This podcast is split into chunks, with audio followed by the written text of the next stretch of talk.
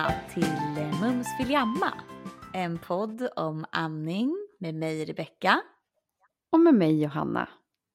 Och idag är det du och jag Rebecka, inga gäster idag utan det är bara vi. Ja, får se om vi kan få det att fungera. Ja, jag hoppas det. Men vi vill ju börja med att berätta om att vi faktiskt ska ha en tävling. Jättekul! Ja! Lyssna noga nu. Precis. Då är det så här då. En tjej som gör ursnygga smycken, halsband, armband med bland annat grymma bröstmotiv.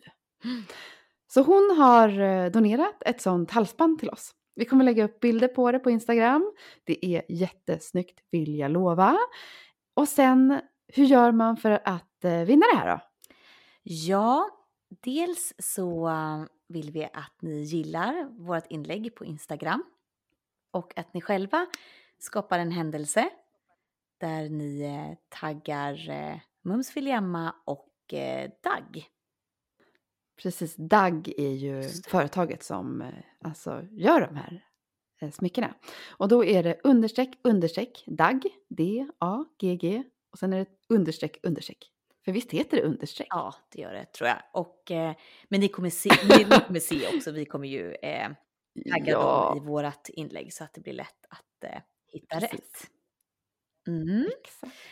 Så på onsdag kommer vi lägga ut ett inlägg om det här på Instagram med bild, instruktioner om hur du gör för att vinna det här ursnygga smycket. Och så följer du bara instruktionerna. Mm. Och Så kommer vi lotta en vinnare och meddela det på Instagram, vem det blir. Jättekul. Lycka till hörni, allihopa. Ja du Johanna, vi har ju ehm, pratat mycket om saker som vi vill ta upp i podden och eh, just därför tänker vi att det kan eh, ligga nära till hands att vi har ett eget avsnitt eftersom vi inte vill störa våra gäster i, i deras fina berättelser. Så ehm, vad eh, har du tänkt på Johanna? Mm, mycket.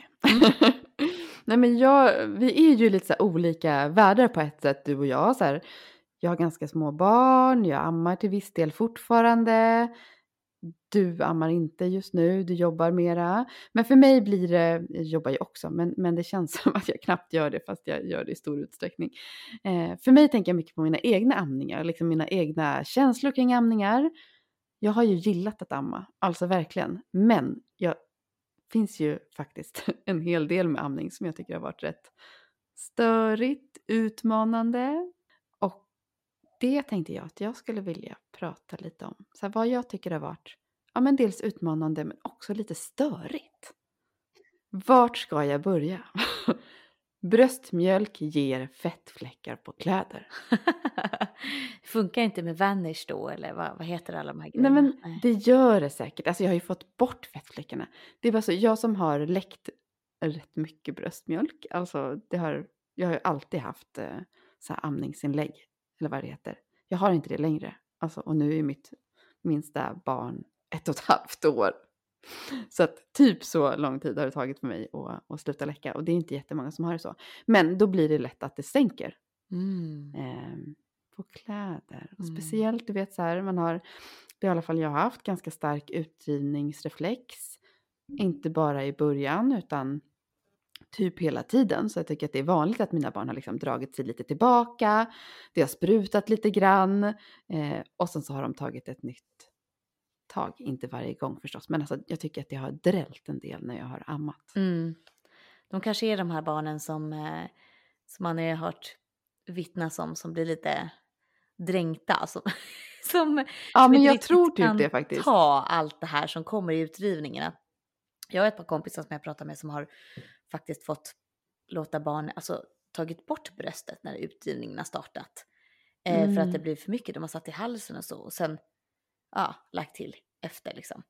Att själva Mm. utdrivningen får komma på ett inlägg eller någonting och sen ja, Mm. när det har lugnat sig lite. Men ja, Ja, men det var ju en jättebra lösning. Jag tycker inte att jag har haft det liksom så mycket att de har satt i halsen och så vidare. Men jag har verkligen kunnat känna att, här, att, den, är, att den är stark. ja. Och jag tycker eh, att jag vet, jag ty- tyckte med min eh, minsta när, när jag började amningen att jag så här, det läckte ofta eh, på sidan om, du vet som det kan göra när de inte har det här megastora vakuumtaget. Mm.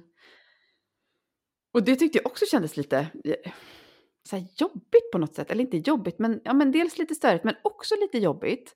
För att jag, jag hade inga besvär alls av att han tog ett, ett eh, uppenbart lite för litet tag. Eller så här, min bröstvårta hade inget konstigt utseende, jag tyckte inte det kändes på något sätt. Men det var så uppenbart att det inte var fullt vakuum just för att det, det läckte Mm. de, de första veckorna säkert, liksom, från mungipan de första minuten under amningen. Men jag kunde nästan tycka att det kändes lite så här småpinsamt, det har jag inte ens sagt någon gång, men småpinsamt att amma inför kollegor. Mhm. Eh, att, att jag liksom vet så här, prestigen i en själv, så här, att jag kan lite om amning och Mm. att det inte är optimalt, fast det inte gjorde mig någonting. Nej, men det där är intressant det du nämner det här lite med, inte prestige, men det är inte alltid positivt att ha mycket kunskap. Alltså, man får inte samma information och man blir inte riktigt behandlad som gemene person. Förstår du vad jag menar? Om, om, om någon Mm. vet att du har kunskap i ämnet och sådär. Det är ju så, alltså vi, vi brukar ju ofta säga det när vi har kanske patienter som är vårdpersonal och så. Vi behöver ju skilja på alltså din yrkestitel och ja, men, den titeln som förälder liksom. Alltså man är ju Mm. inte, ja, man är ju en yrkesperson men man är ju inte den hela tiden. När man är förälder så är man ju främst förälder. Man kanske inte alltid, man kan inte heller alltid, man, man glömmer bort saker man kan ju också. eh, När man i första Mm. hand är förälder. Så Ja, det vet jag faktiskt att eh, min man sa till mig efter vi hade fått våra första barn, de som kom, ja men de var ju lite små prematura, kom i vecka 32 plus 5. Men att han vid något plumpt tillfälle, tyckte jag i alla fall, när vi låg inne på neonatalen, typ så här kommenterade, jag kommer inte ihåg vad han sa exakt, men min upplevelse var att han kommenterade varför jag behövde amningsstöd. För jag var ju barnmorska och jobbade med amning. Mhm. Jag vet att jag vart så förbannad. Du bara, men för i helvete vecka 32 kan jag ingenting om. Ja, ja nej men, och jag kände typ verkligen så. Mm. Jag behövde likväl amningsstöd som alla andra Mm, nyblivna mammor. Jag var helt superlost. mm. Och så är det, det är så himla viktigt att tänka på det och eh, det blir jag så glad över att, jag tycker att de var så bra på kollegorna eh, när jag hade fått mitt andra barn, att de frågade mig, ja men känner du att du vill att vi tittar på en amning? Ja, Men att de ändå inte tog det för givet och så. Mm. Men jag Det gjorde ju du med mig också Ja, Rebecka, just för du hade ju mig på BB. Ja, det var fint. vill att jag gör en amningsobservation. ja. Nej, men jag håller med, det var fint att bli ändå bli tillfrågad och Ja. känna sig så här, det var en, en enkel öppning att säga ja ifall jag hade velat det. Ja, men precis. Nej, men jag håller med. Jag tycker också att det är, det är stor skillnad. Jag, jag tycker det är så fint med de här kollegorna som, som vi har haft. Inte bara kollegor, men andra gäster också. Som har berättat de här att deras partner har känt till att de har så starka önskemål och liksom verkligen stöttat i det. Nej, det kan ju vara ett, allt från hur man vill ha det under förlossningen till hur man vill ha det i efterhand. Och vetat att det här är så viktigt för min partner så jag, jag ska verkligen pusha personen. Och det där är ju en svår balansgång. Man vill ju inte pusha någon för mycket, självklart. Men jag, jag kan nog också känna att jag, jag blev inte tillräckligt mycket pushad. Jag fick ju höra från min, min man att du ska inte känna någon prestige om de går ner i vikt. Det gör ingenting om vi behöver ge någon, något tillägg och sådär. Det var, ju, det var ju bara väl menat såklart. Men eh, det var ju inte det jag ville och det visste ju han. Ja, men du Mm. vet sådär att man kände att man, man vill hellre bara ha, nu går vi in i kakl- kaklet liksom, vad kan jag göra? Mm. typ så, för att det ska funka. Ja, det där är svårt. För jag, jag har hört en annan kollega prata om sin eh, födelse, när hon födde sitt första barn tror jag att det var, Mm. spelar väl i och för sig ingen roll. Och då hade de pratat innan om att de ville ha den här naturliga födseln, att det var viktigt, bla Mm. bla bla. Och väl där så bara, ge mig en epidural! Ja. Och så försökte han motivera till att hon inte skulle ta Just den och det, hon höll på att bli det. galen. Mm. Så här, "Nu, sluta säga emot mig, du får ge mig min epidural! Ja. Ja, Typ så. Så det är ju skitsvårt. Ja, ja, gud ja, det är alltid svårt, det brukar Hur vi säga. Ja, det. partnern står bredvid både i samband med förlossningen sen i efterhand. Det Mm. måste ju vara dösvårt. Så jag ska Mm. inte säga någonting, men jag förstår Men vad jag vad på, du menar. Mm. Men vad jag på riktigt tyckte var riktigt utmanande med att ha tvillingar och helamma var att jag hade ett eh, barn som ja, men hade det ganska jobbigt. Jag tror att han hade någon ja, men ish kolik. Vad exakt definitionen av kolik nu är. Men han var ett Mm. väldigt ledset barn och eh, ville alltid vara vid, eh, vid bröstet. Behövde liksom det. Kunde, inte, kunde absolut inte somna på något annat sätt. Kunde inte hålla i sömnen om jag la ner honom. Kunde inte sova i vagn. Men alltså du vet så här Mm, mm. det var riktigt, riktigt utmanande när jag var, när jag var själv och de var ganska små. Mm. Vi var hemma ganska länge tillsammans men, men eh, när vi inte var det längre, det tyckte jag var ja, sinnessjukt eh, tufft faktiskt när det gäller amningen. Så här. Jag ville amma, jag är jätteglad för att jag gjorde det. Jag tänker att det inte hade varit jättemycket enklare om jag inte hade ammat. Men det vart lätt att amningen av mig blameades liksom. Eller att så här, Gud, och vad jag gör för fel, varför mitt barn så himla ledset hela tiden. Är det fel på mig? Är det fel på min bröstmjölk? Gör jag fel när jag ammar? Ja men du vet, äter jag Mm. fel? Precis. Äter du fel? Det där var intressant att du tog upp det nu, för jag pratade bara häromdagen med faktiskt en patient om det, för de var lite oroliga, de ville veta om allergier och så. För deras första barn till slut hade fått en, eh, en diagnos att, att eh, barnet hade en komjölksallergi då. Och de hade ju upplevt länge föräldrarna, alltså barnet var ett halvår gammalt och de hade upplevt länge att barnet liksom var missnöjt, ont i magen, skrikit, alltså ja, liksom kolikaktigt och så. Eh, men inte riktigt fått gehör från vården. Ja men förstå liksom, de får ja, ligga på i ett halvår, inte Mm. få något gehör och Mm. till slut så får man den. Och, och det hade bara kunnat vara så enkelt att man hade kunnat ja, men kapa komjölk, komjölksproteinet Ja. från, från kosten. Eller enkelt och enkelt, men jo, det är hyfsat enkelt idag faktiskt. Det finns ju substitut till allt liksom. Mm. Det finns ju sojaprodukter som substitut till all komjölk egentligen. Så ja, då hade man ju nog hellre Mm. gjort det än att haft ett, ett Mm. väldigt ledset barn. Mm. Verkligen, men men jag tror också, nu är han ju eh, snart fyra år, över tre och ett halvt i alla fall. Eh, Och det har varit lite hans personlighet, alltså inte att vara ledsen, men att till exempel ha, ha svårt med sömn och liksom mm. behövt mycket närhet och, och så. Mm. Ja. Och vad det nu är, liksom om det är en person, personlighetsdrag, om det var någonting i sam, alltså, som är påverkat av hans första tid i livet eller... Jag tror absolut, jag tycker det är jätteintressant att du pratar om personlighetsdrag så tidigt, för jag tycker att det är så, jag tycker verkligen att det, det, det genomsyrar allt. Alltså man ser hur de beter sig som spädbarn och relationen till liksom hur, som min äldsta som snart är sex, som, ja men det är ju, han är ju precis som han var när han var spädbarn, alltså det låter jättekonstigt, men Ah, personligheten men är verkligen, den, den bara, it's still there. Alltså, Ja, samma behov som du säger, samma liksom eh, mönster och samma sak med min dotter nu som är, de är så olika och hon var också på ett helt annat sätt som, som bebis och nu är hon precis likadan. Så sjukt Ja. bestämd och liksom, man kan inte säga åt henne vad hon ska göra. Och det handlar inte bara om trots utan det är sån som hon är, det märks så tydligt. Mm. Ja, spännande. Hon var ju också så här, nej jag vill inte ha bröstet mer. Sluta, försök mamma. typ. Precis, Ja. och det, var, det är ju också så himla komiskt att, att du hade en tänk om så här, nu ska jag verkligen långtidsamma och så bara, Ja, nej, jag vill inte. Ja. Samtycke. Det går exakt samtycke, det går ju inte att bestämma över liksom, jag menar alla saker hos, hos barn. Nej.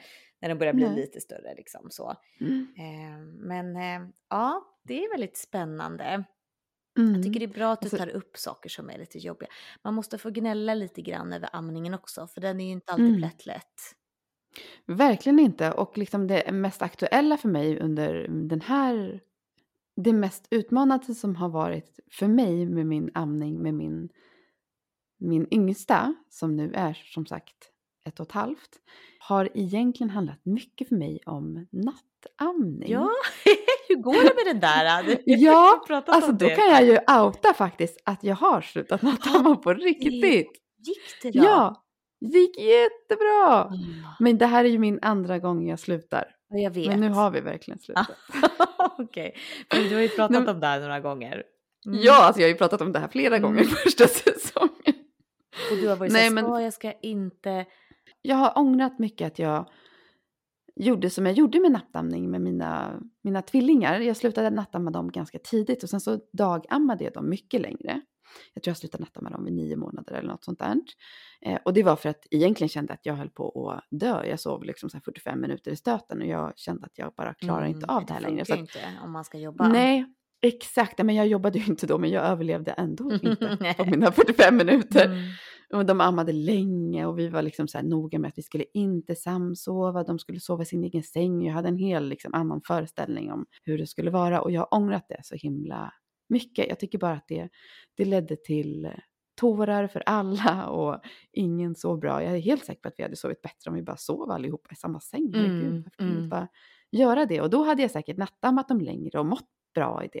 Nej, men då hade jag i alla fall en väldigt stark känsla av att jag ville nattamma Love, min yngsta, eh, mycket längre och att han skulle få liksom sova hos oss och så vidare. Fram tills han själv var redo för att sluta. Och han, det har jag ju sagt också, han älskar ju bröstet. Mm. Alltså han, inte, han kommer aldrig bli redo Nej. att sluta. Ja. Men jag har känt mig redo. Jag har känt mig redo för att sluta nattamma ganska länge. Och det har inte med att göra att jag inte tycker att det är mysigt och så vidare. Men det har faktiskt, det har liksom stört mig nu de senaste månaderna Mm. att nattamma. Jag tycker att det har varit mycket så här, dra i bröstvårtan. Det har inte varit något så här mysigt. Jag har fått ont i ryggen för att han ligger med bröstet hela, hela, hela. Jag pratar bokstavligt hela Ja, nätterna. Alltså liksom, han, och han använder det som en napp liksom. Ja, Mm. Precis. Och det är ju jättemysigt för honom. Men jag har fått ont i ryggen, jag stört i bröstet för att han ligger där och drar och har haft svårt att sova. Mm. Men, så att jag har ju försökt en gång tidigare och då var han bara absolut inte redo och var jätteledsen. Och då bestämde jag redan efter några dagar att så här, nej men det här, är inte, det här är inte värt det. Men nu, några månader senare, Ja, alltså det gick, det gick ju, han var inte ledsen alls. ja, plötsligt Inte ens det. första nätten. Ja. Han bara typ okej. Men det är ju så, så är det med allt med barn liksom. Plötsligt händer Mm. det, plötsligt är de redo. Det är liksom sluta med blöja, sluta med napp, börja lära sig Mm. cykla. Nej men alltså på riktigt, det är så här, ja men man kanske kan träna och hålla på och tjata och det känns inte som att det riktigt går fram och ja men helt plötsligt så, så gör det det. Om man, Mm. ja men man inser, det är ju oftast en mognadsfråga.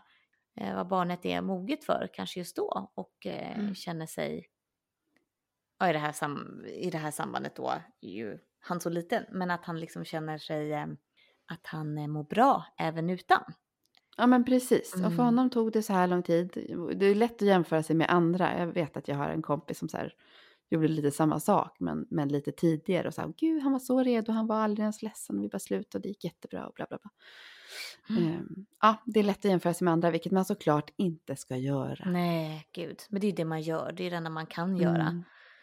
Ja, men du Rebecka, det, som sagt jag kan prata hur länge som helst. Men jag Mm. tänker att du också ska få berätta lite så här, vad du har tänkt på senaste tiden och vad du känner så här, nej men det här måste vi bara prata om nu.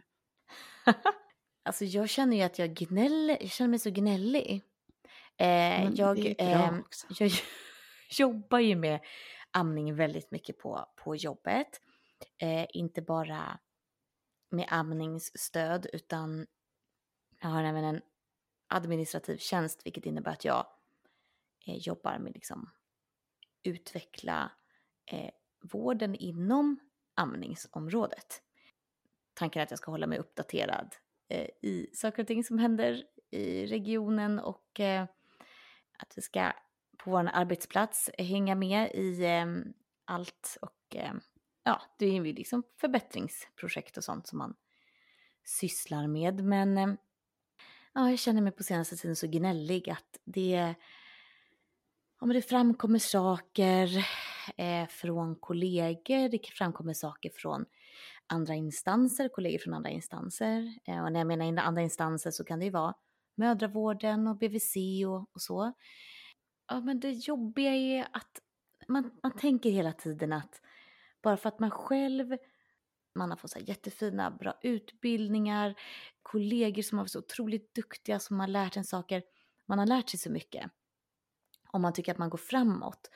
Och så märker man något helt annat hos, hos ens kollegor. Och det kan vara hos kollegor i, i alla yrkesgrupper vill jag bara eh, understryka. Eh, och att inte alls, de, har inte, de, de vet inte alls samma sak. De, de, de har inte alls fått den informationen som jag tycker och bör att, att vi bör ha. Och eh, kanske inte ger alls den informationen som vi tycker, jag tycker att vi bör ge till våra patienter. Man har inte koll på hur man ska använda vissa saker och man kanske uttrycker sig eh, på sätt som jag inte jag vet inte, jag känner mig bara så gnällig. Det enda jag gör, jag skriver massa gnälliga mejl.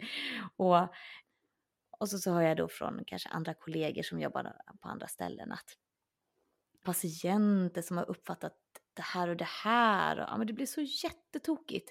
När det blir så mycket problem hos nyblivna föräldrar, då kan ju det förstöra deras första tid. Så att det är så jävla viktigt liksom att vi, att vi försöker göra rätt, menar jag, informera rätt och ge föräldrar det, den informationen som de bör få och det stöd som vi kan ge dem. Vet du vad jag har tänkt lite på? Mm. Jag var nämligen, när jag pluggade till eh, barnmorska, eh, det är ju några år sedan, men eh, då var jag en del av utbildningen i Melbourne i Australien. Just det. Och var på förlossningen där, men vi var också någon eller några enstaka dagar på eftervården. Och då, dels så, så upplevde jag att, att man absolut hade eh, amningsutbildning som barnmorska på eftervården, alltså på BB. Men alltid vid amningsstrul så riktar man till eh, laktationskonsulter. Mm. Alltså att så fort någonting egentligen avvek från det normala Mm. så tog man in en laktationskonsult. Mm. Och det var flera laktationskonsulter som jobbade. Ja, det hade ju Så varit fint. Vi har ju inte så många i Sverige. Nej. Eh, just laktationskonsult, jag tror att de allra flesta, om man inte är inom vården som lyssnar på det här, har ingen aning om vad det är. Eh, det, det är ju mycket vanligare i andra länder. Ja, kanske i Australien också som du säger, men i USA vet jag, eh, otroligt vanligt. Det är väl laktationskonsulter som, som jobbar med amning liksom. Enkom, vad jag vet. Och det är ju en separat utbildning. Så man i grunden, men man, i grunden behöver man ju ha någon typ av sjukvårdsutbildning. Liksom. Det kan ju vara en sjuksköterska som är laktationskonsult, en barnmorska. Vi har ju en helt fantastisk eh, barnmorskekollega som ganska nyligen har fått det certifikatet, eh, är certifierad eh, laktationskonsult.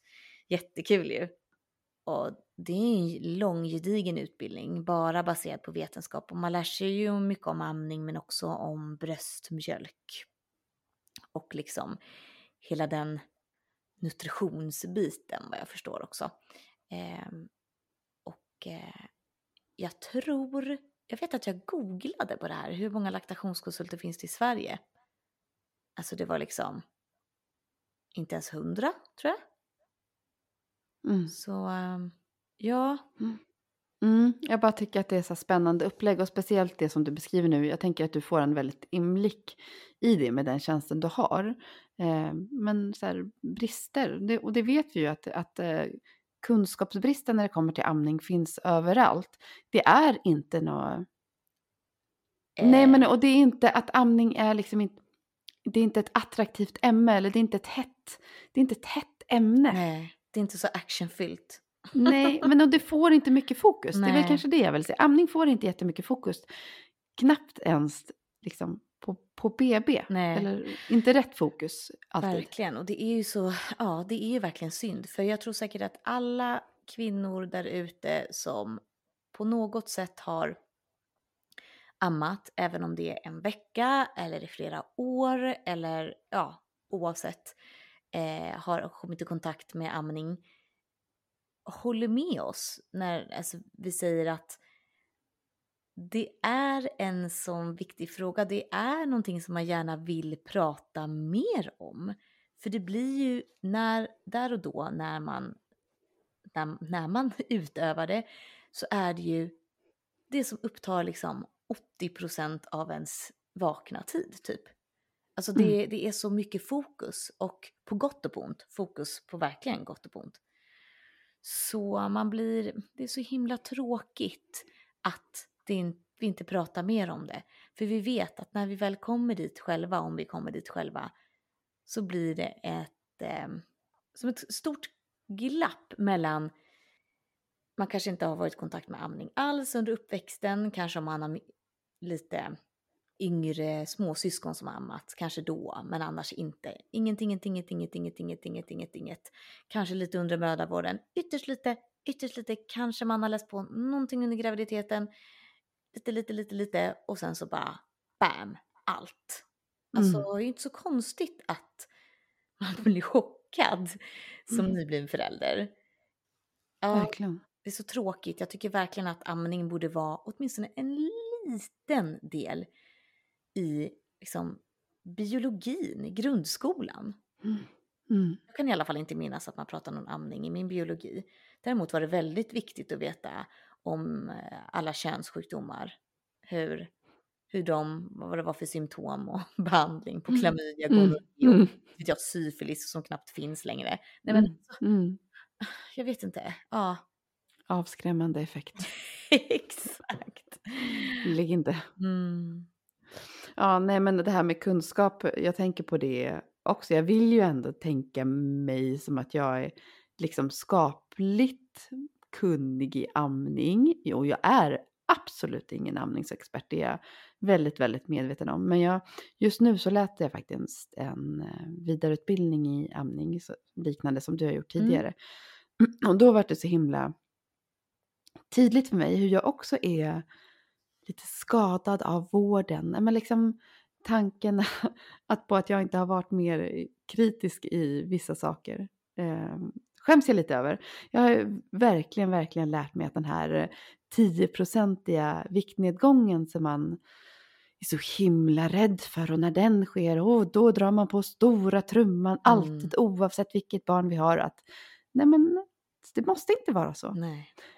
Att, att ett barn går ner efter födseln, det är ju alla liksom med på som jobbar inom vården. Det är inget konstigt att helammande barn, de tappar i vikt, punkt. Eh, och sen så hur mycket. Men man, i sjukvården är man ju, upplever jag, väldigt rädd för att närma sig 10 procent. Och är man 10 procent då lägger man på en gång inga åtgärder. Men att det faktiskt inte alltid måste vara så. Mm. Att har man ett välmående barn som får till amningen bra så behöver inte att gå ner 10% vara... Det, det, som du, det är så intressant det du berättar Johanna, för att där är ju, det där är ju verkligen ett så tydligt tecken på att vi människor, vi har sånt behov av att hänga upp oss på siffror och eh, andra så här, fakta. Vi har så svårt ibland att se utanför boxen och titta på till exempel, vad har vi för barn? Vad har vi för situation? Vad har vi för föräldrar?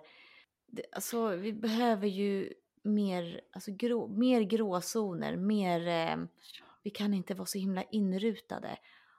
Nej. Och det är vi ju Nej, alla inom, alla inom vården är det. Men det finns ju vissa yrkesgrupper som är mer inrutade än andra.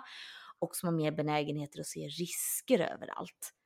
Ja, vi som liksom skolade som barnmorskor särskilt att tänka, tänka normalt. Att fokusera på att saker är normalt. För det är de ju oftast.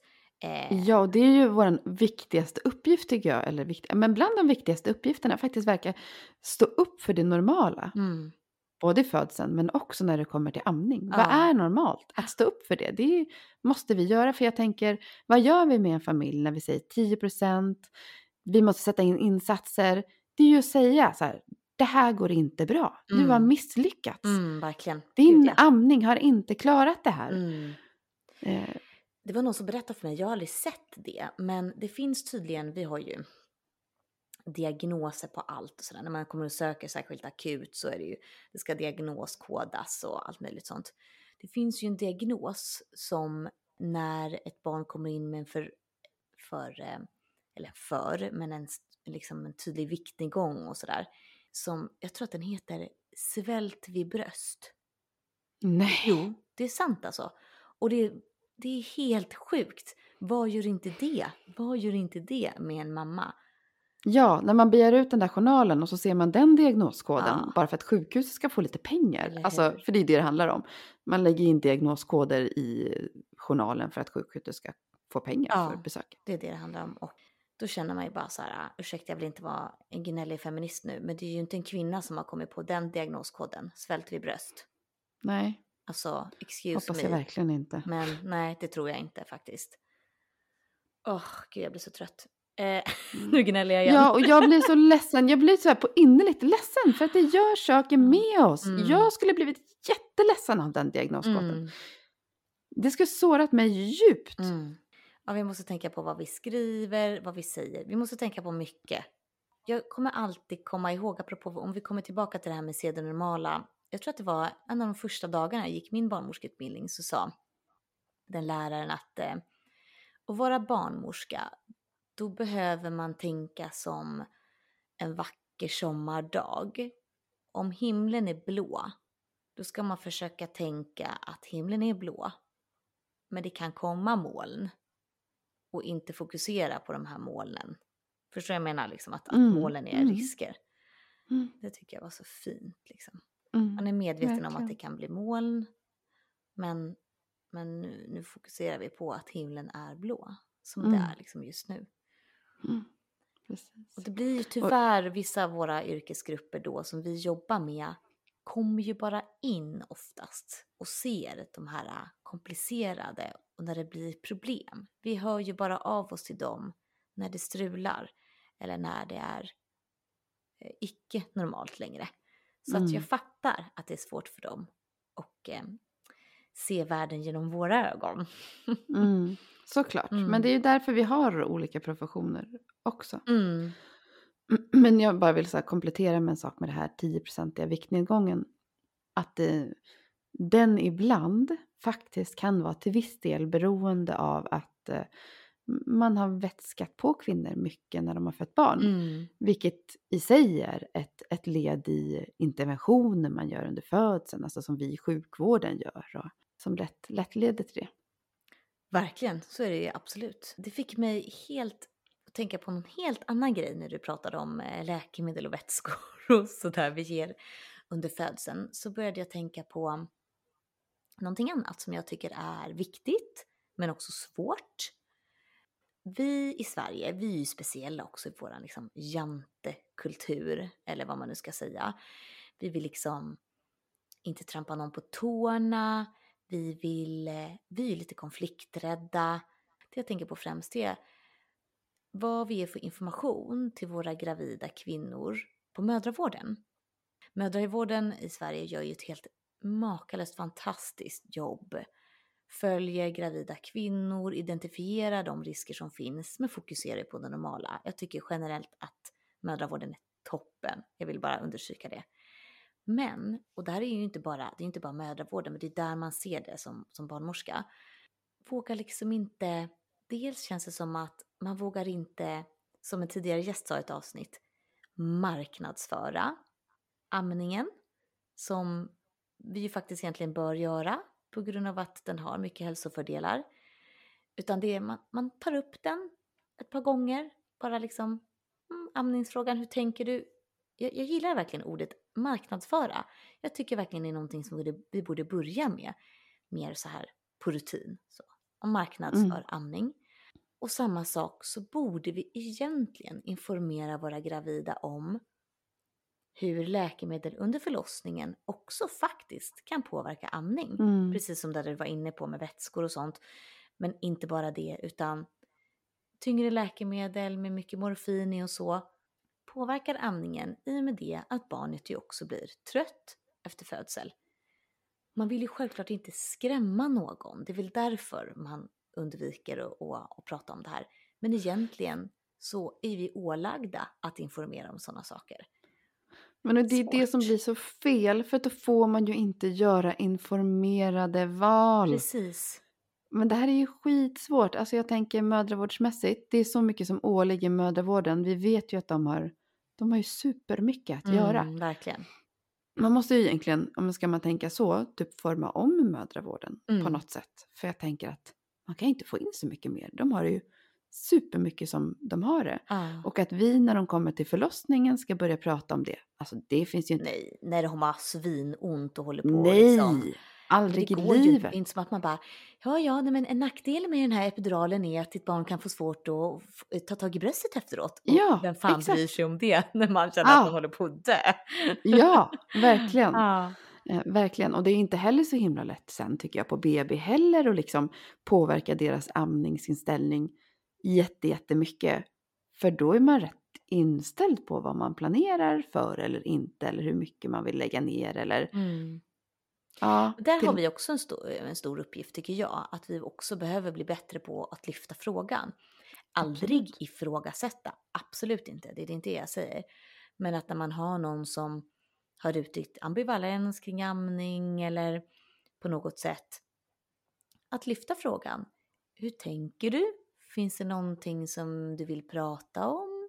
Vill du ha information om mig? Ja, men liksom, för det kan ju vara så att det är så mycket som har missats. Eh, jag har ju haft patienter som har trott saker för att de har inte fått informationen under graviditeten och så har vi pratat om det och det har slutat med att de kanske har ändrat åsikt eh, och valt att göra på andra sätt baserat på vad vi har pratat om. Så där behöver vi också vara lite, våga lite, våga bara lyfta Mm. ämnet. Det vet jag också en kursare som jag hade på barnmorskeprogrammet när vi läste amningskursen som vart helt nästan häpen. Och, eh, vet inte om, om det var så att hon inte hade ammat sitt första barn. Jag tror det, att de hade flaskmatat med, med formula. Lite osäker blir jag nu, men det var någonting sånt i alla fall. Och att hon vart väldigt eh, berörd av så här, men shit, om jag hade vetat alla de här sakerna Mm. om amning efter typ en föreläsning var ju det, så det var inget Mm. djupgående kunskap så. Mm. Då hade vi tänkt annorlunda kring hur vi skulle mata vårt barn. Ja visst. För för dem handlar det om jämställdhet. Ja. Och, och eh, jag, var, jag hade något liknande faktiskt, fast på ett litet annat sätt också en kursare, eh, minns jag, som hade haft med första barnet jättestruligt och valt att lägga ner amningen och fått, alltså i princip, ja men som smäll på fingrarna från BVC och, och verkligen ja, men anklagat den här mamman för att hon i princip var en dålig mamma. Och det hade ju fått en motsatta effekten. Det gjorde ju att hon inte alls ville amma sitt andra barn. Alltså förstår du vad jag Mm. menar? Så att det finns ju så många aspekter kring det här Mm. och så viktigt att få rätt typ av stöd och så. Mm. Eh, Och att det inte alltid måste vara liksom på ett sätt. Man kan göra på massa olika sätt. Jag mm, tänker de, mm, det är ju inte jättemånga på BB som säger att de inte vill, vill amma. Men jag tänker att ibland kanske man vill göra på annat sätt. Man kanske ändå vill ge sin bröstmjölk bara i början, några Mm. dagar på Mm. kopp, sked som inte har något med amning att göra. Man kanske ändå säger, jo men jag skulle nog gärna ge mig bröstmjölk under längre tid på flaska och så vidare. Alltså man kan ju göra det på massa olika mm, sätt. mm. Gud ja, det finns oändligt med möjligheter idag ju. Ja, precis. Men jag tycker att det där är svårt att öppna upp för eh, ett bra samtal. Jag tror också att man måste vara mindre rädd för att trampa någon på tårna för att vad vi gör är inte att hjälpa, vi stjälper ju bara. Ja, så är det ju. Vi undanhåller information. Mm. Tack alla ni som har lyssnat.